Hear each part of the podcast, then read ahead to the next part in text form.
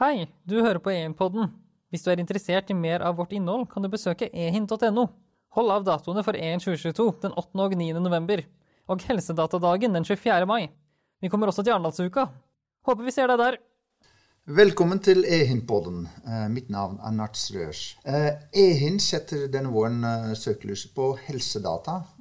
Helsedata er veldig i kjernen av det som skjer eh, i utviklingen av eh, helse i dag. Og vi ser at eh, vi mangler noen avklarende forståelse for hva er helsedata, hvem eier dem, og hvordan skal de lagres og deles. Hvordan skal de analyseres, ikke minst, og hvordan skaper man verdi og innovasjon på helsedata. Um, til det har vi flere podkaster som har dette temaet, og vi har lansert også en helsedatadag som skal være 24. mai. Mer om det på ehin.no. Um, I Europa snakkes det en del om Srems 2. Srems 2 er en dom fra EU som uh, gjør det vanskelig å dele helsedata. Uh, dele data generelt. Uh, men det er mange som ikke helt vet hva dette her går ut på. Og til det har vi i dag invitert to personer som har mye å si om dette her. Den første er Øyvind Eidesen. Velkommen. Takk for det. Du er advokat og partner i advokatfirmaet Skjøtt og har jobbet med personvern. Er din spesialitet, som jeg skjønner? Det stemmer. Personvern og IT er noe jeg har jobbet med i mange år. Og dette er spennende, dagsaktuell problematikk. Mm, og du har ja, da erfaring og råd til både store og små firmaer rundt hvordan de skal håndtere eh, persondata? Absolutt. Både, både, i privat og offentlig sektor. Så vi ser jo at på begge sider, og både på leverandørsiden og på kundesiden, så oppleves dette utfordrende, uh, og har gjort det en stund. Sånn at uh, det gjelder å se litt hvilke løsninger man også kan, kan finne i dette området. Mm. Og Vi snakker også med Einar Martin Andal. Du er faktisk lege og forsker. Og nå er du administrerende direktør i Ledidi. Hva gjør Ledidi? Ja, Ledidi utvikler en skybasert plattform for, for innsamling og analysering, statistisk analyse Eh, grafisk fremstilling av data, men ikke minst så er det en plattform utviklet for forskningssamarbeid og samarbeid om helsedata. Mm. Og da er dere i kjernen av det som er noe av det som skaper problemer for mange prosjekter, og det er å bruke helsedata på tvers av virksomheter og grenser og organisasjoner. Det er helt riktig. altså Eh, det er jo litt tema for, for, det, for eh, denne podkasten, verdien av helsedata, og hvor viktig det er å kunne dele helsedata og samarbeide om, om, medisinske data. og Da kommer man rett inn i kjernen av det som er personvern og, og datasikkerhet. Eh, og Det er egentlig vår misjon. Mm. Skremt av Srem-Stor, skriver noen på sin side. Schrems 2 er eh, kalt etter eh, Max Srem, som er en østerriksk personvernforkjemper. Eh, og han har da startet flere rettssaker mot, mot, EU, kanskje også internt i Østerrike, om personvern. Um, og med det her snakker man om 2. Uh, Øyvind, kan du fortelle litt hva, hva, vi skal legge opp i det? Ja, vi kan jo snakke litt om det sånn helt innledningsvis. Det er jo en uh, en dom fra EU som eh, nesten de aller fleste som jobber med teknologi, eh, har måttet forholde seg til, siden eh, denne traff oss ganske som selv om den var forventet og man hadde ventet på avgjørelsen en stund, så må man vel si at den likevel traff de fleste som lyn fra klar himmel når det gjaldt konsekvensene det fikk over natten. Mm. Um, og helt kort fortalt, for å, for å si litt, litt, om det, så er det jo rett og slett at det var to ting EU-domstolen kom til i, i den avgjørelsen i juli 2020. Mm -hmm. Det ene var at denne dataoverføringsavtalen mellom EU eh, e og USA, eh, som het Privacy Shield, og som sa at det holdt å ha en helt vanlig databehandleravtale mellom en behandlingsansvarlig i EU, EØS, og en databehandler i USA. Mm -hmm. Den avtalen var ugyldig. Og det skyldtes jo dette den massive muligheten som eh, amerikanske etterretningsmyndigheter har til å eh, snappe opp, eh, hente ut etterretningsdata, personopplysninger om europeiske borgere. Og det kom EU-domstolen til at var i strid med de grunnleggende personvernprinsippene vi har i Europa etter GDPR. Sånn at det, det ble jo for det første sånn at den overføringen fra EU til USA, den ble i hovedsak ulovlig over natten. Mm. Og så fikk man en annen ting som har også hatt eh, tilsvarende konsekvenser for eh, overføring til andre land i, utenfor EU EØS enn eh, USA. Eh, og det er jo at du, vi fikk på en måte eh, klarlagt fra EU-domstolen at du må ha gjort risikovurderinger for alle tredjelandsoverføringer, som vi kaller det, eh, om at du har sjekket lovgivning, sjekket praksis, og kan stå innenfor når du overfører Eh, personopplysninger, mm. Eh, at eh, du har tilsvarende beskyttelsesnivå i tredjelandet som i Europa under mm. GDPR. Ok, så da er det vanskelig å dele helsedata, og da sier man men da deler vi ikke helsedata. Men Einar Martin, vi vil jo gjerne dele helsedata, for det gir oss mange fordeler. Mm. Ja, nei, altså Det er jo ikke slik at man ikke skal eller kan dele helsedata. Og Jeg tror det er litt viktig også å ta et skritt tilbake også med GDPR, altså å se litt helhetlig på det. For GDPR er jo ikke mot deling av data. Snarere tvert imot. Når GDPR kom, så var det for å tilrettelegge for bruk av data, men ivareta personvernet og de demokratiske prinsippene som er i Europa, og som skal være i for så vidt alle demokratiske samfunn. Ikke sant? Så, sånn sett så har jo GDPR vært eh, en modell for veldig mange andre personvernlovninger eh, verden over. Men det er klart at de prinsippene og det lovverket det må ligge til grunn. Mm. Og Særlig gjelder jo det for helsedata, eller sensitive data. De mest sensitive dataene vi har på en måte i, i private sfære, er jo helsedata og finansdata. Mm. Og, og, og, det er veldig viktig å ikke tenke at det skal være et kompromiss eller en konflikt mellom å ivareta personvernet og det å kunne dele data. Mm. og verdien av helsedata synliggjør det veldig. Altså Verdien kommer jo først når man aggregerer opp data. Det er veldig lite verdi i helsedata på individnivå, annet enn for det aktuelle individet. Skal man hente ut verdien i medisinsammenheng, diagnostisk sammenheng og for fremtidig behandling, så må man aggregere data. Mm. Og pandemien har jo vist det veldig tydelig, ikke sant? både på vaksineutvikling og, og, og også da effekten av vaksinene.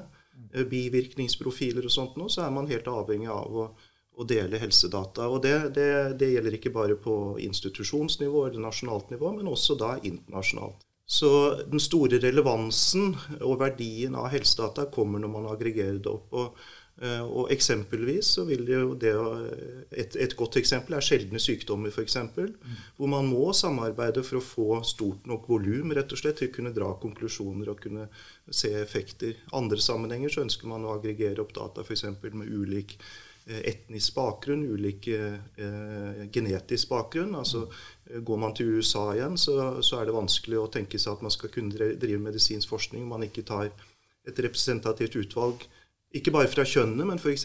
fra hvite amerikanere, afroamerikanere, mm. eh, hispanics osv. Så, videre. så det å aggregere data er helt fundamentalt eh, i all eh, medisinsk og, og helse helsemedisinsk forskning.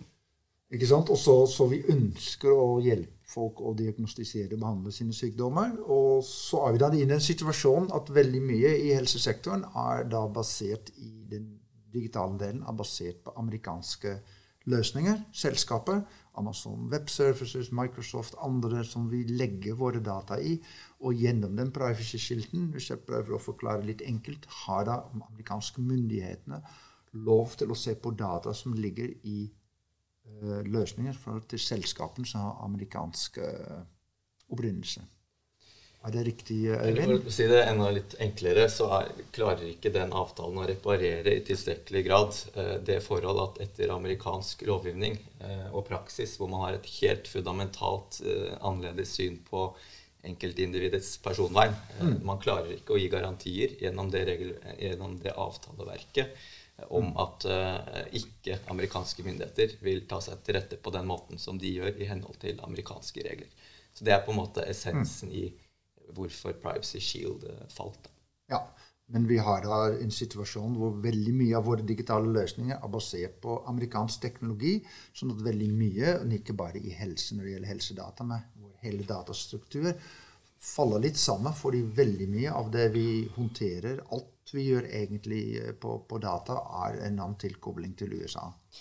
Det er jo riktig. Og der skal vi jo veldig fort eh, tilskyte at eh, det er jo ikke sånn at det var kroken på døra. Eh, det er jo også noen positive sider å dra ut av Eh, av Schrems 2-dommen. Og jeg kan henge meg veldig eh, på det Einar Martin sier her om at det drukner ofte litt det forholdet at grunnen til at vi fikk GDPR eh, in the first place, var jo nettopp det at man egentlig skulle legge til rette for bedre datautnyttelse, men innenfor noen klare rammer eh, som er nødvendige for at man skal gjøre det trygt og sikkert for oss alle. Det havner jo veldig i skyggen når vi ser de utfordringene som det gir rent regulatorisk. Men hvis vi skal snakke litt om eh, det som er positivt med Schrems 2-avgjørelsen, så er det jo at man har fått et veldig fokus på hva som er godt personvern. Mm. Eh, og vi har jo eh, definitivt en situasjon hvor disse EUs generelle overføringsavtaler, mm. standard contractual clauses, som det heter, til tredjeland, er jo ikke ugyldiggjort som sådan. Så de er jo det store praktiske grunnlaget nå for å bruke en overføring i de tilfellene hvor du gjør en konkret risikovurdering, eh, som vi skal snakke mer om eh, eh, i denne podkasten. Og det er jo da må man jo se på hvilke tekniske, juridiske og organisatoriske tiltak man kan gjøre for å få beskyttelsesnivået i praksis til å bli tilsvarende som etter GDPR. F.eks. hvis du skal bruke en amerikansk leverandør, skyleverandør f.eks. Så det er jo fullt mulig eh, den dag i dag. Men man må gjøre denne eh, tekniske, juridiske analysen av hvilke tiltak man klarer å få på plass. Men likevel, eh, Einar Marten, nå sier Øyvind at det er mulig å gjøre, men vi ser jo at det er en slags at noen ting stopper opp. Vi ser en helseanalyseplattform som har satt på pause. Det er flere selskaper som har sine løsninger i amerikanske skyer, som blir veldig usikre på hvordan de skal håndtere det. Vi har sett at Forskningsrådet har trukket noen penger tilbake fra AI, kunstig intelligens-prosjekter som går på å dele data. Så selv om man kanskje lar det, det kanskje er enkelt å løse, så ser vi at mange ikke helt forstår hva som ligger inne i den dommen. Ja. Altså, eh, Nå har vi vært innom mange elementer, og for å ta akkurat det du spør om først nå, så, så Eh, så kan jeg bare støtte Øyvind. altså det, Max Schrems, eller Schrems 2-dommen er jo egentlig veldig fornuftig, bare så det er sagt. Det er et veldig godt rasjonale eh, i, i, både dommen og vurderingene som er gjort av Det europeiske personvernrådet i etterkant. Det som nok har bidratt til at dette er blitt veldig vanskelig i den praktiske verden, er jo at her kom loven og retningslinjene før løsningen. Ikke sant? Eh, Prinsippene for GDPR er jo, at man, er jo, det, er jo å ivareta personvernet. Mm. Og her snakker vi om data. Eh, og for å ivareta personvernet i en dataløsning, enhver IT-løsning, så ligger det fundamentale datasikkerhet. Mm. Datasikkerheten må ligge til grunn. Eh, og i GDPR så er det jo artikkel 25 og 32 som omhandler disse tingene, og som stiller krav til datasikkerheten, rett og slett. Mm. Det som ble et eh, problem med Schrems II-dommen og de etterfølgende retningslinjene fra Personvernrådet, var at det stilte krav til sikkerhetsløsninger som ennå ikke var anerkjent av EU. Okay. Så det er på en måte litt bakteppe der. Eh, og, og, i EU så er det jo et eget organ for datasikkerhet som heter ENISA. Mhm. European European Union Cyber Security Agency, og som, som, som, eh, som, anerkjenner teknologier som oppfyller de juridiske kravene i EU til databeskyttelse. Okay. og Der kom det nye retningslinjer nå i september. Dette kan Øyvind si mer om. Men som da løser på en måte the missing link, kan man si, da, som, som okay. Schrems 2-dommen og, og, retningslinjene fra, fra, EU i kjølvannet av den helt riktig identifiserte. Bare for å ta litt tilbake, Det er jo veldig mye snakk om, om amerikanske leverandører og Jeg tror alle er enige, alle i Europa er enige om at det hadde vært det fint å, å, å ha, vært veldig fint å ha hatt europeiske leverandører, eller norske leverandører, som kan, som kan konkurrere med de tre etablerte skyleverandørene. Men hvis man tar et litt mer prinsipielt uh, utgangspunkt, det, hvorfor bruker man egentlig sky? Ikke sant? Hva, hva, er, hva, er, hensikten, hva er rasjonalet for det? Og, eh, og, når man snakker om helsedata, så er det jo veldig lett å peke på hvordan er det man gjør det med sykehus og spesialisthelsetjenesten. Og, og, dette er jo stordriftsfordelene. Det er sentraliseringsfordelene, det er kompetansefordelene, det er det mm. driftsfordelene, det er eh, de økonomiske fordelene ved å dele infrastruktur. Mm. Eh, og så har man dratt det dit at det er blitt av dominerende leverandører på det, som da er de sikreste, eh, og som har den beste kompetansen. Det er den eh, fremste maskinvaren, det er den fremste eh, programvaren. Mm. Og som da etter hvert har dominert markedet. Og sånn er det. Men det, er, det man egentlig gjør, er jo å dele infrastruktur. Fordi vi vet også at de amerikanske selskapene har enorm kompetanse og veldig store utviklingsmiljøer til å takle sikkerhetsrisikoer som ikke er så lett å gjenskape i Norge, eller kanskje ikke i det hele tatt. Men til og med i Europa er, har vi kanskje ikke nok kompetanse til å i hvert fall på raskt uh, komme på samme nivå. Ja, ikke sant. Også, eh, når man snakker om datasikkerhet, så er det jo hele tiden slik at du må være i front. Mm. Det er, det, er, den teknologiske fronten, på lik linje som medisinsk eh, vitenskapelig front. Så er det der det skjer. ikke sant? Og, og, og, med, og den teknologiske fronten i datasikkerhet det er der det også har den høyeste sikkerheten. Eh, og, den, den, og teknologien kommer først hos de som investerer mest og utvikler mest. Altså Eksempelvis Amazon brukte i 2021 55 milliarder dollar eh, på R&D. 55 milliarder dollar, så det er ca. 500 milliarder kroner. Ja. Eh, så, så, så, eh, så, så, sånn er det, ikke sant. Eh, og, så de, de, har en vanvittig kompetanse og investerer mye på å utvikle infrastrukturen. Mm.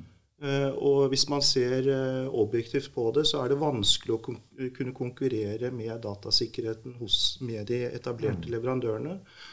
Eh, og nå i kjølvannet av Schrems 2 så har man på en måte eh, litt, eh, litt, å falle i den grøfta at man sier at personvernet kompromisser med datasikkerhet. For den objektive datasikkerheten kan man i prinsippet løse i skyløsninger. Men, men, sånn er det ikke. Det er ikke nødvendig å kompromisse på personvernet. Her finnes det løsninger som ivaretar personvernet også for helt i henhold til, til GDPR, men det, det krever da juridisk og teknologisk kompetanse for ja, for det er jo også, Vi snakker jo om, egentlig om to ting. Den ene er den juridiske delen, den andre er den teknologiske delen. Hvordan, de ligger sikkert veldig mye på hverandre, men hvordan forholder de seg til hverandre?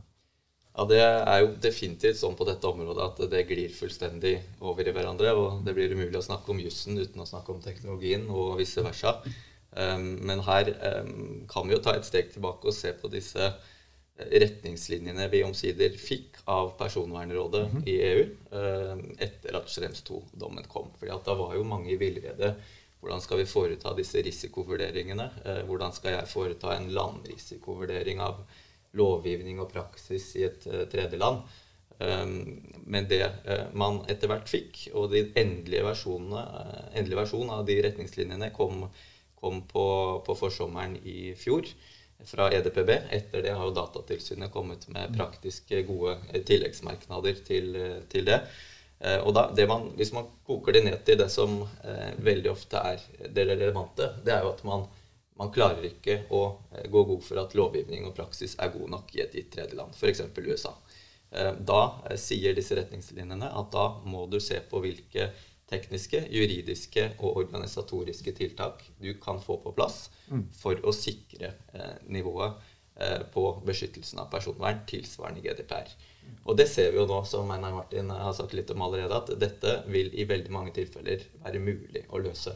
I noen tilfeller vil det kanskje ikke være mulig rent eh, praktisk, teknisk, økonomisk. Eh, at du får de eh, effektivitetsgevinstene du vil med de tiltakene du faktisk må ha på plass. Og det er jo der, eh, som du påpeker, hvor teknikken virkelig griper inn i jussen, og det blir et samspill som er komplekst, og som gjør at mange finner dette eh, komplisert. Eh, men det vi kan eh, snakke litt mer om, er jo hvilke av disse tekniske tiltakene eh, som du gjerne bunner i. da. At du må, Noen juridiske tiltak må du ha på plass. Du må ha i praksis denne EUs eh, e standard contractual clauses for å foreta overføringen. Men det er ikke nok i seg selv. Du må ha tekniske tiltak på plass for å eh, sikre at det ikke eh, gis tilgang til mine og dine personopplysninger eh, til amerikanske myndigheter, f.eks. Og dette må vi vite mye eh, om uh, Einar Marten. Uh, fordi nå tenker jeg at ok, hvis mine data ligger i en Microsoft-sky eller en Amazon-sky, så kan amerikanske myndighetene se på den. Men det er faktisk mulig å gjøre det teknisk på en måte sånn at de ikke kan gjøre det. Ja, det er det. Og, og, ja, og bare for å ta, eh, fortsette resonnementet til, til, Øyvind. Eh, det som har, eh, har, vært litt forstyrrende oppi dette med Schrems 2, er jo at her har da EU anerkjent den teknologien etter at retningslinjer kom. Altså, så det var, har vært en periode her hvor man har lurt på hvordan i all verden skal man angripe dette. Men, men, for å gjøre det litt mer konseptuelt eh, og gå tilbake til dette at man deler infrastruktur, ikke sant, som jeg nevnte i stad, så, så, kan man se dette med også å, å, å legge data på en eh, felles infrastruktur, som at man leier leilighet da, i en leiegård. ikke sant? Hvis man leier en leilighet og er eh, leietager, så er man jo da om man leier leilighet i en fantastisk bygård ikke sant? med alt av sikkerhet, det er moderne fasiliteter, det er sikker strømforsyning, det er varme, det er, eh, alt er i orden, så er man fremdeles prisgitt utleier mm. til en viss grad. Mm. Ikke sant? Eh, man ønsker at utleier ikke skal ha en universalnøkkel til leiligheten din. Du vil ikke at utleier skal ha eh, videokamera og mikrofoner inne i leiligheten. Du ønsker egentlig å beskytte deg også mot utleier, ikke bare det som er utenfor bygården eller eller, ikke sant? Så, så det, det, det, prinsippet gjelder når du da leier infrastruktur. Og, og i en GDPR Schrems 2-setting så er jo da utleier her i prinsippet et amerikansk selskap. Mm. Og da stilles det absolutte krav til at utleier ikke skal kunne se leietagers data i denne sammenhengen. Og hvordan kan man gjøre det teknisk? Ja, ikke sant? Og de, de, de fundamentale prinsippene for å beskytte data i en skyløsning, det er tilgangsstyring og kryptering. Eh, og der jo, eh, har jo eh, Det europeiske personvernrådet, eller EDBPs retningslinjer som da kom i juni 20, helt rett. Man må, Skal man beskytte dataene fullstendig, så må det være beskyttet i hele livslengden til dataene. Okay. Klassisk kryptering krypterer data når de er i transport, og når de er lagret. Den tekniske utfordringen eller den tekniske utviklingen har gått på å også da kunne beskytte dataene når de brukes Altså i det du leser dataene, i det du gjør kalkulasjoner, gjør søk osv. Analyser, ja. Analyser, nettopp. Eh, da har det vært slik at dataene i øyeblikket må dekrypteres i prosessoren og i eh, RAM, altså i minnet. Der har det vært en teknologisk utvikling i mange mange år. Altså hvis, de, hvis man tar og ser litt historisk på det, så startet Amazon da, sin utvikling av den teknologien som heter konfidensiell prosessering, confidential computing, tilbake i 2014. Eh, I 2018 var det vel, så ble det som heter Confidential Computing Consortium etablert, som er et industrisamarbeid mellom alle Eh, eh, prosessorprodusentene, chip-produsentene og Google og Microsoft etablert. Mm. Så dette har vært en teknologisk utvikling. Dette har vært noe som har vært anerkjent av bransjen og vært på en måte akilleshælen i, i mm. der hvor man deler infrastruktur, altså cloud computing, helt fra starten av. Så det har vært et veldig fokus på å tette akkurat dette hullet. Uh, for, der, det, for du sier at så lenge dataene er lagret og deles, så er de kryptert og kan ingen se dem. Men vi har problemer med, med, bruk av data. Ja, Så lenge dataene transporteres og lagres, så kan de beskyttes med klassisk krypteringsteknologi, okay. som alle har brukt. Det med da data in use, det har vært eh, hvor, eh, hvor dataene blir, er blitt dekryptert under prosessering. Det har vært fokus for den teknologiske utviklingen. Det kalles confidential computing. Altså at man er i stand til å beskytte dataene også da. Og det er det som nå er tatt inn i retningslinjene fra det europeiske eh, eh datasikkerhetsorganet, ENISA, og som nå også da må implementeres for å kunne beskytte dataene ende til ende i henhold til EDBPs retningslinjer. Ja, Og dette er da teknologisk mulig, sier du? Dette er fullt teknologisk mulig. Det er eh, implementert i fullskala hos enkelte av eh, skyleverandørene. Det er på full fart inn ellers. Mm. Uh, og man må forvente at dette blir en bransjestandard. Nå er det jo et juridisk krav for å kunne være compliant mm. ved bruk av amerikanske leverandører. Man, vi forventer, eller man må forvente at dette blir en bransjestandard også for europeiske leverandører og norske leverandører. Og det er på full fart også inn i personvernlovgivningen utenfor Europa. Vi kommer tilbake til dette her med, med, nøkler og tilgang, men vi skal først høre litt fra Øyvind om dette her er juridisk holdbart. holdbar. Ja, altså dette er jo veldig spennende, eh, det Einar Martin snakker om her, uh, om confidential computing. Jeg har lyst til å ta et lite steg tilbake når vi begynner å snakke om kryptering, før vi går inn på uh, akkurat dette. når vi snakker om Altså kryptering er jo det tekniske tiltaket også Personvernrådet Eh, nevner som det aller viktigste tiltaket, i tillegg til ett tiltak til, eh, som kan være alternativ til kryptering, og det er jo det man kaller pseudonymisering. Det drukner jo av og til litt i, i diskusjonene, men det kan være et vel så godt teknisk tiltak som kryptering i noen tilfeller. Det betyr at du eh, frakobler datasettet eh, i ulike deler, hvor du på en måte frikobler identifikatoren til meg eh, fra mine brukerdata. Mm. Og hvis du da kobler det fra hverandre på en måte som gjør at leverandøren eh, og myndigheter i USA f.eks. Eh, ikke har tilgang til den identifikatoren overhodet, så det får i effekt samme, eh, samme resultat som en teknisk kryptering. Mm. Så det er verdt å bare ta med seg at også dette med pseudonymisering er verdt å vurdere i en del tilfeller. Og EDPB peker på det som en løsning. Som en løsning. Og så har vi dette med kryptering. Og, og jeg kan jo stille meg bak eh, det eh, Einar Martin sier her. Det vi må huske på, er jo også at eh, vanlig kryptering Det er ikke sånn at det er helt fritt fram selv utenfor dette i øyeblikket du prosesserer det. Det vi må også huske på, er jo der du lagrer det, så stiller også disse retningslinjene krav om eh, hvordan du krypterer. Og her eh, vet jeg at veldig mange har møtt på utfordringer og sittet og Eh, og lurt på hvordan, hvordan løser vi dette med eh, nøkkelhåndtering osv. Mm. Eh, og for å si det veldig enkelt, det som er kravet til Personvernrådet, helt uttrykkelig, er jo at du som behandlingsansvarlig, eller den som overfører fra EU e til USA, for å ta USA som eksempel, så skal du ha det de skriver som sole control på krypteringsnøkkelen. Og hvordan får du til det i praksis hvis du skal ha effektivitetsgevinstene av skytjenesten. Det er ofte utfordrende, men der vet vi at eh, leverandørene etter hvert tilbyr løsninger som også eh, tillater at du sitter og har kontroll på nøkkelen enten selv eller hos en tredjepart mm. som du kontrollerer. Men her vet vi at vi er eh, inne i veldig teknisk kompliserte vurderinger som gjør at man veldig fort får en sånn kost-nytte-betraktning av om det, mm. man får igjen den eh, gevinsten man ønsker for å ta i bruk tjenesten. Ja. Og bare for å skyte inn veldig raskt, eh, også noe Einar Martin var inne på rundt det temaet, er jo at der kommer vi virkelig inn på det paradokset at med en gang du begynner å legge manuelle prosesser og teknikk utenpå leverandørenes eh, etablerte eh, håndteringer av nøkkelkryptering, så kan man jo begynne å snakke om hva som er hva som introduserer usikkerhet i praksis. Men det er klart at for ren compliance med disse retningslinjene, så er det tiltak man, man ofte må gjøre. Ja, det, det, er også noe vi kan se litt mer på, dette her med kostnader. For dette høres ikke ut som det er veldig enkelt for en, en, en ny startup. Uh, å håndtere. Men, men eh, du sa noe Erna Martin, om dette her med, med, tilgangsnøkler. Kan du kort si noe mer? Jeg kan bare kommentere det første du nevnte der. At jeg tror faktisk det er enklere i en del tilfeller hvor du starter fra scratch, mm. enn der hvor du skal konvertere kompliserte IT-systemer til de nye kravene. Mm. Eh, hvis man starter eh, arkitekturprinsippene med ivareta nettopp dette med ekstern nøkkelhåndtering og bruk av konfidensiell prosessering.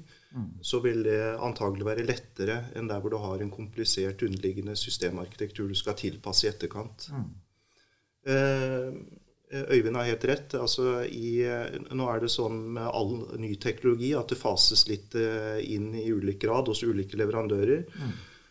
Jeg syns at uh, analogien med nakkestøtter og, og, sikkerhetsbelter er ganske god. ikke sant? I starten, uh, Hvis du går tilbake til 70-80-tallet, så var det ekstrautstyr i, i biler. og Så kom de flere, hos flere og flere leverandører, og så ble det uh, et, et, et, krav. Her så startet man faktisk litt i andre enden. Det var et krav før det er blitt innført. ikke sant? Så, så teknologien er litt, fases inn i litt ulik grad.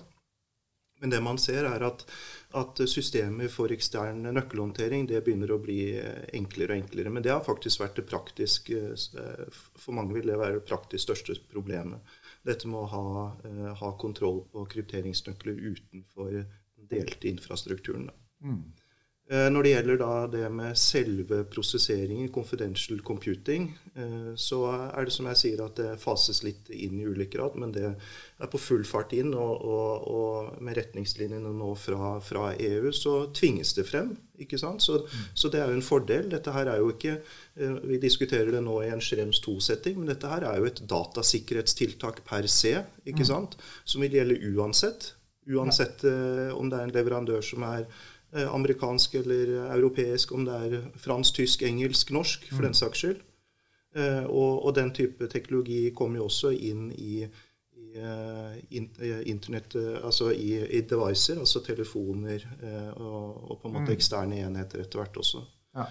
Så, så, så, så, her har, her har EU eh, e gjort en veldig god jobb, faktisk. ikke sant? Det mm. tvinger egentlig gjennom litt hermetegn da, teknologi som bidrar til økt eh, datasikkerhet for oss alle. Mm. Men, men Øyvind, er det ikke det litt paradoks at vi snakker om, om, personvern? Det er jo veldig viktig i helsedata, men samtidig har vi pulsklokker hvor vi sender dataene våre til helt ukjente eh, selskaper. Vi, vi, mange sender sin DNA til USA for å ha heritage, heritage og, og får vite hvor de kommer fra, uten at de egentlig vet hva som skjer med de genetiske dataene. Er vi ikke litt for mye fokusert på dette her, at det er så farlig med helsedata? Nei, jeg vil ikke si det. Men det er et viktig paradoks du peker på. fordi eh, det er klart at jeg tror mange av oss individuelt sett eh, kjenner oss igjen i det paradokset at eh, vi er veldig nøye på dette, alle sammen, i jobbsammenheng. Mens som privatpersoner så godtar vi veldig stor grad risiko i det daglige. Man vet at det, det overføres personopplysninger, og at man ikke har full kontroll alltid på i, i hvilken grad opplysningene blir brukt, og, og til hva.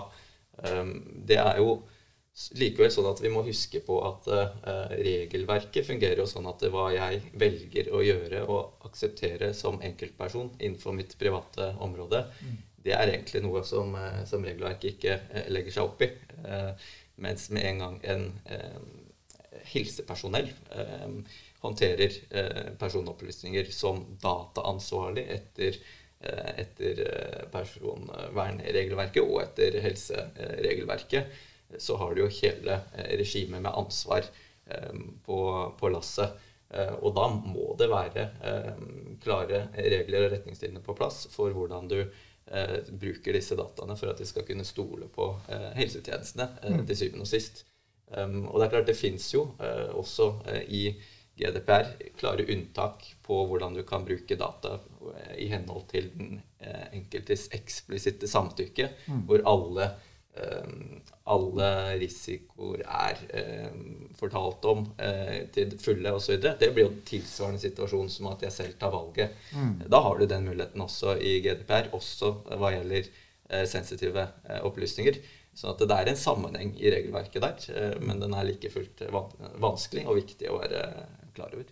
Ja, det er jo helt opplagt at, uh, at uh, jeg som individ kan velge noen ting. Og det er også helt opplagt at uh, politikerne f.eks. skal være ekstremt forsiktige med å, å ta personvern i helsedata og ikke på alvor. Så det er en, en forståelse for at uh, f.eks. helseanalyseplattformen settes på pause fordi man ikke er helt avklart de forholdene. Men, men uten at de liksom går i altfor mye politiske detaljer. Men er det realistisk at man setter sånne prosjekter på pause, eller er det løsbart på en annen måte? Jeg tenker at uh, alle som er involvert i den type uh, prosjekter, uh, må forholde seg til både de politiske, økonomiske og juridiske aspektene som gjør seg gjeldende. Og det er veldig vanskelig å eh, frikoble seg fra de juridiske føringene som, som ligger der. Eh, jeg tenker det er veldig logisk at de kommer inn og legger føringer. Så er det eh, ikke alltid at de kommer eh, på en godt timet måte inn i den type prosesser. Rett og slett fordi det er en teknisk utvikling, og det er en juridisk utvikling. Det har vi sett også etter CMS2, hvor retningslinjene, som Anna Martin var inne på, kom jo etter at selve dommen faller. Så det er krevende å stå midt i sånne prosjekter.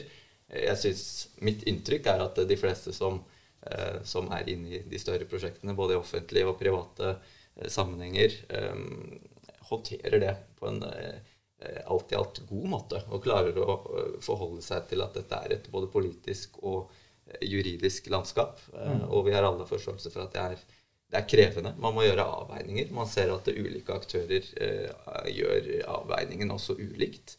Mm. Men det, det, tenker jeg at vi bare alle må forholde oss til. Einar Martin, du har jo jobbet som, som kirurg og lege uh, i mange år. Um, og, og, vet hva det er, og hva helse er. Man kjenner helsesystemet fra innside.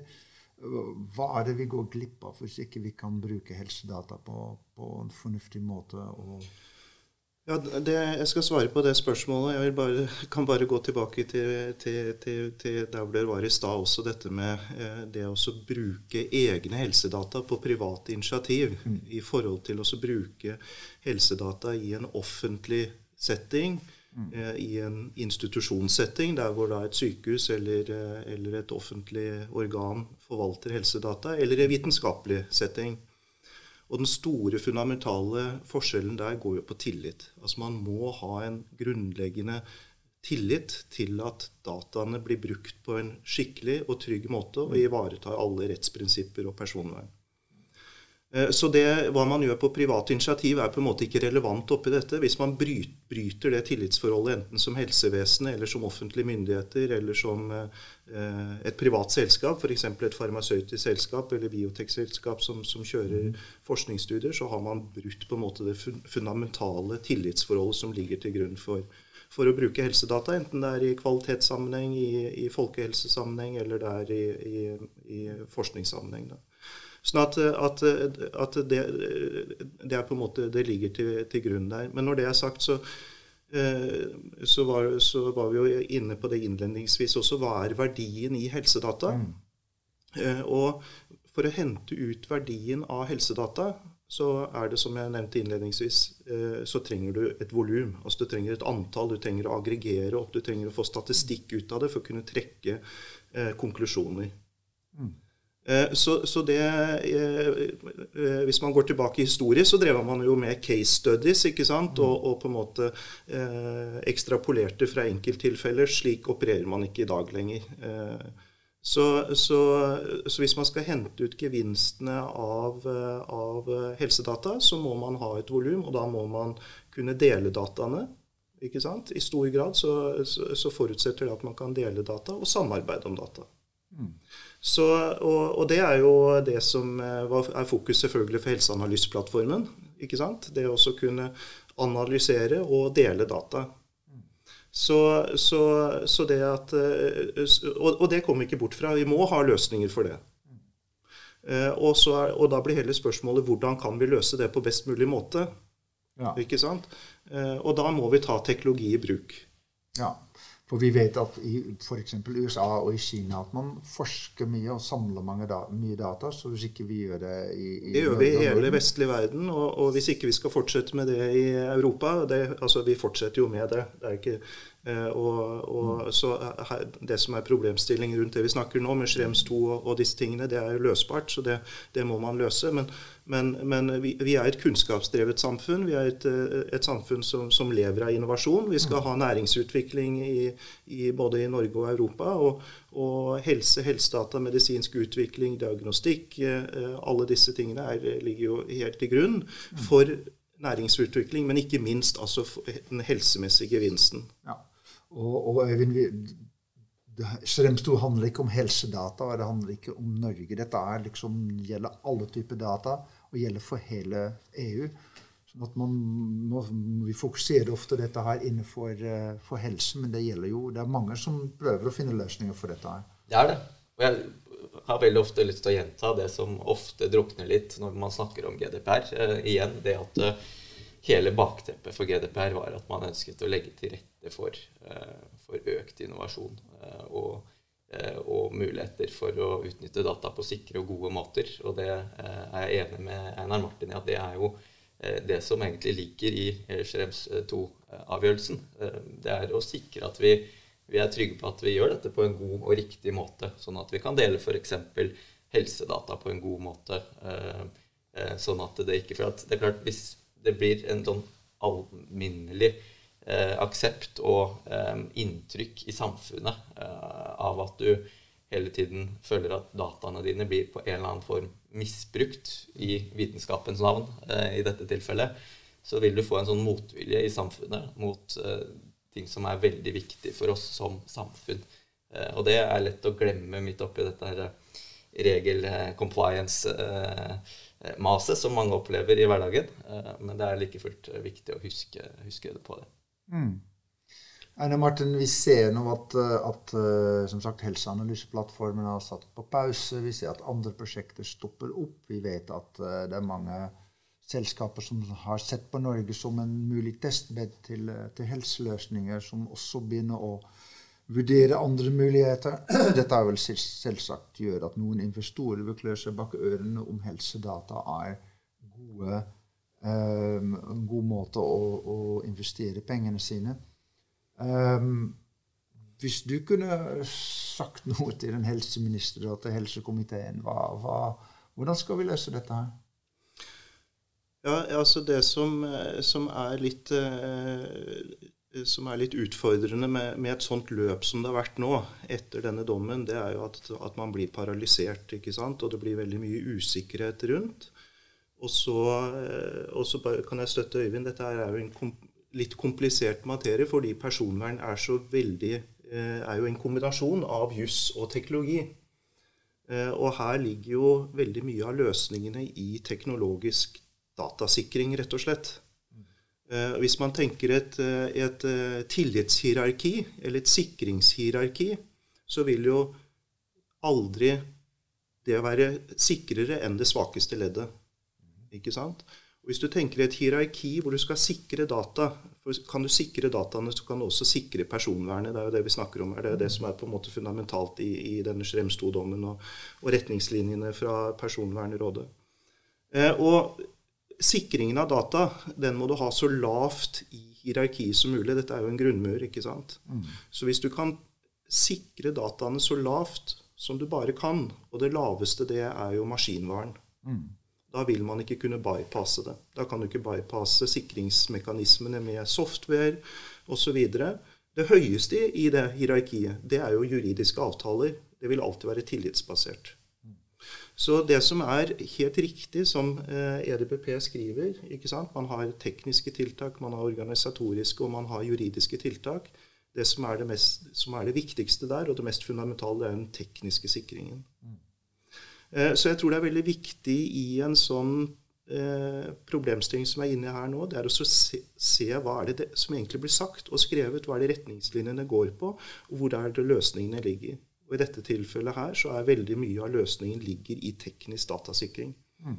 Eh, og Nå er dette i en kontekst med amerikanske leverandører, men dette gjelder jo som et generelt prinsipp uansett. Altså Hvis man tar dette med leietager-utleieforhold, så er jo dette noe som vil være gjengs i alle settinger hvor man deler infrastruktur. Så, sånn sett så har det vært, vært veldig positivt med, med, med Schrems 2-dommen og retningslinjer fra EDPP. Mm. og hvis du går til GDPR, artikkel 25 og 32, det er jo ikke en amerikansk kontekst. Det er generelle prinsipper for datasikring. Altså det som er det juridiske kravet i, i eh, GDPR og, og, fra EDPP, er bruk av state of the art-teknologi. Mm. Eh, så dette er et generelt prinsipp. State of the art-teknologi, og, og, og, det må benyttes. Og da er veldig mye av disse problemstillingene løst. Mm. Og så vil det kunne være utfordrende å ta teknologien i bruk. Og den fases inn i litt ulik grad. Men det lar seg løse. Er, sånn sett så, så, er det kanskje fornuftig at helseanalyseplattformen er blitt satt på pause, og så kan man reorientere seg, så kan man se hvordan man kan løse det. Eh, og, og kanskje er den mulige løsningen her eh, teknisk. Mm. Og det kan en jurist være enig i at, en, at løsningen kan være teknisk? Ja, her er det heldigvis sånn at her kan teknologene og juristene i stor grad være enige når man snakker om det samme. Og så handler det om å etablere at man faktisk snakker om det samme. Eh, men jeg syns også det er veldig spennende eh, det vi snakker om her med confidential computing. Og det er som Einar Martin sier, at her har man fått en teknologi som når den er eh, implementert i ulike tjenester, og vi vet at den er tilgjengelig, tilgjengelig i dag hos noen leverandører for noen tjenester, Eh, og gradvis vil bli rullet ut for flere leverandører og for flere tjenester, så er det eh, sånn som Einar Martin sier, at EUs eh, e Cyber Security-råd, ENISA, i samarbeid med Teletrust, som er det er vel IT-sikkerhetsforeningen i Tyskland, i fellesskap har laget en veiledning som omtaler denne teknologien og har gått inn i den Eh, rent teknisk, og sagt da med, med, ganske autoritativ stemme at dette er state of the art-teknologi, altså dette begrepet som går igjen også i f.eks. GDPR artikkel 32 om eh, tekniske sikkerhetstiltak, på hva som er på en måte eh, siste eh, best practice innenfor, eh, innenfor området. Um, og, og, sier at dette er teknologi som når riktig implementert eh, kan løse dette use case nummer seks eh, i, i Personvernrådets veileder, som var eh, og, en, og, er en utfordring knyttet til eh, det vi har snakket om rundt at du for å bruke en del skytjenester må um, prosessere dataene in the clear, som det står. Det hadde de ikke PT da de ga disse retningslinjene en løsning for rent teknisk. Men de er jo også åpne i veiledning på at dette vil jo komme. Og de visste jo at det var under uh, utvikling. Og jeg tror, eh, som Einar Martin er inne på, at man vil se en rivende utvikling på dette området. Fordi at dette med uh, kryptering under prosessering vil løse så mye hvis man først får gode løsninger for alle typer tjenester på dette. Så der vil det skje en rivende utvikling i tiden som kommer, tror jeg også. Og da sier du at det er mulig å bruke amerikanske eller andre skyleverandører juridisk hvis man har teknologien på plass. Det er riktig. Ja. Einar Martin? Ja, jeg kan bare altså, eh, Jeg, jeg syns det er interessant å diskutere dette litt utenfor den Schrems 2-konteksten også. fordi mm. eh, med en gang man prater om helsedata, så snakker man jo både om, snakker man om AI på innpust og utpust. ikke sant? Og, og det er jo virkelig et felt hvor det gir en ren teknologisk og også datamessig verdi å bruke confidential computing. Fordi hva er det man egentlig gjør ved AI? Jo, man aggregerer opp store mengder data i et modelldatassett. Mm. Hvor verdien ligger egentlig i den algoritmen som kommer ut i den andre enden. Og tilliten til at den prosesseringen foregår korrekt, at ingen har manipulert med den, at den har foregått i prinsippet i et lukket rom, ikke sant, mm.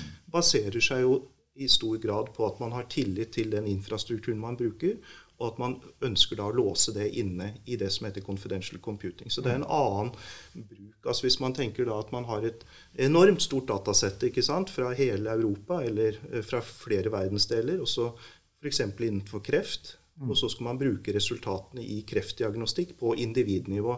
Hvordan kan man være 100% sikker på at det resultatet som kommer ut, og som da skal brukes i kanskje behandlingsøyemed, er helt sikkert? Mm. Eh, og det vil være bruk av, av confidential computing, hvor man da eh, sikrer, eh, sikrer, selve eh, dataprosesseringen og, eh, og, og, kan være med, trygge på at ingen har manipulert. Dette er mulig i en skyløsning, selv om den er amerikansk basert? Ja, nå er det jo altså det er jo det som, som vi var inne på nå. Confidential computing er for full fart inn. ikke sant? Nå er det tatt inn i retningslinjene. Dette vil være en forventning og bli en bransjestandard. Eh, og, og, nå fases det da inn hos de som er ledende innenfor feltet, og det er de amerikanske leverandørene. ikke sant? Så nå, nå kommer det antagelig først der, og så vil det bli tilgjengeliggjort eh, suksessivt eh, for, eh, for, for, andre leverandører, og etter hvert eh, ut på devices vi har. Så, så, men, men, nå så, så, rulles det ut i storskala hos, eh, hos de amerikanske infrastrukturleverandørene. Øyvind, Vi snakker jo mye om personvern og Srems 2 og, og, dette her med confidential computing, men, men, det er ikke det endelige svaret, for dette her er jo noe som er mye større enn bare det. Det er helt riktig. Og det er kanskje greit å, å avrunde litt der. At vi, vi, snakker om confidential computing som en teknisk eh, løsning på et problem som man har hatt, og som man ser at det kommer teknologi som man har forventet, og som vil hjelpe oss. Eh, så gjelder det ikke å glemme da, at personvern eh, handler i stor grad om risikovurderinger, eh, ikke bare av teknisk art, men av eh, hele egentlig rekken av behandling av opplysninger når man bruker en tjeneste, når man bruker ja, e-, egentlig i hverdagen hvor man håndterer uh, personopplysninger. Så at man må alltid ha denne helhetlige tilnærmingen til uh, å vurdere risiko i, i, i, behandling av personopplysninger. Det er egentlig det GDPR bygger på. Mm. Okay. Arstrøm løsbar. Eh, vi har snakket med Øyvind Eidesen, advokat og partner i advokatfirmaet Skjødd, og med Einar Marten Åndal, som er administrerende direktør i Ledidi. Takk for at dere var her. Du har hørt på EIN-podden. Hvis du er interessert i mer av vårt innhold, kan du besøke ein.no. Hold av datoen for EHIN 2022 den 8. og 9. november, og Helsedatadagen den 24. mai. Vi kommer også til Arendalsuka. Håper vi ser deg der!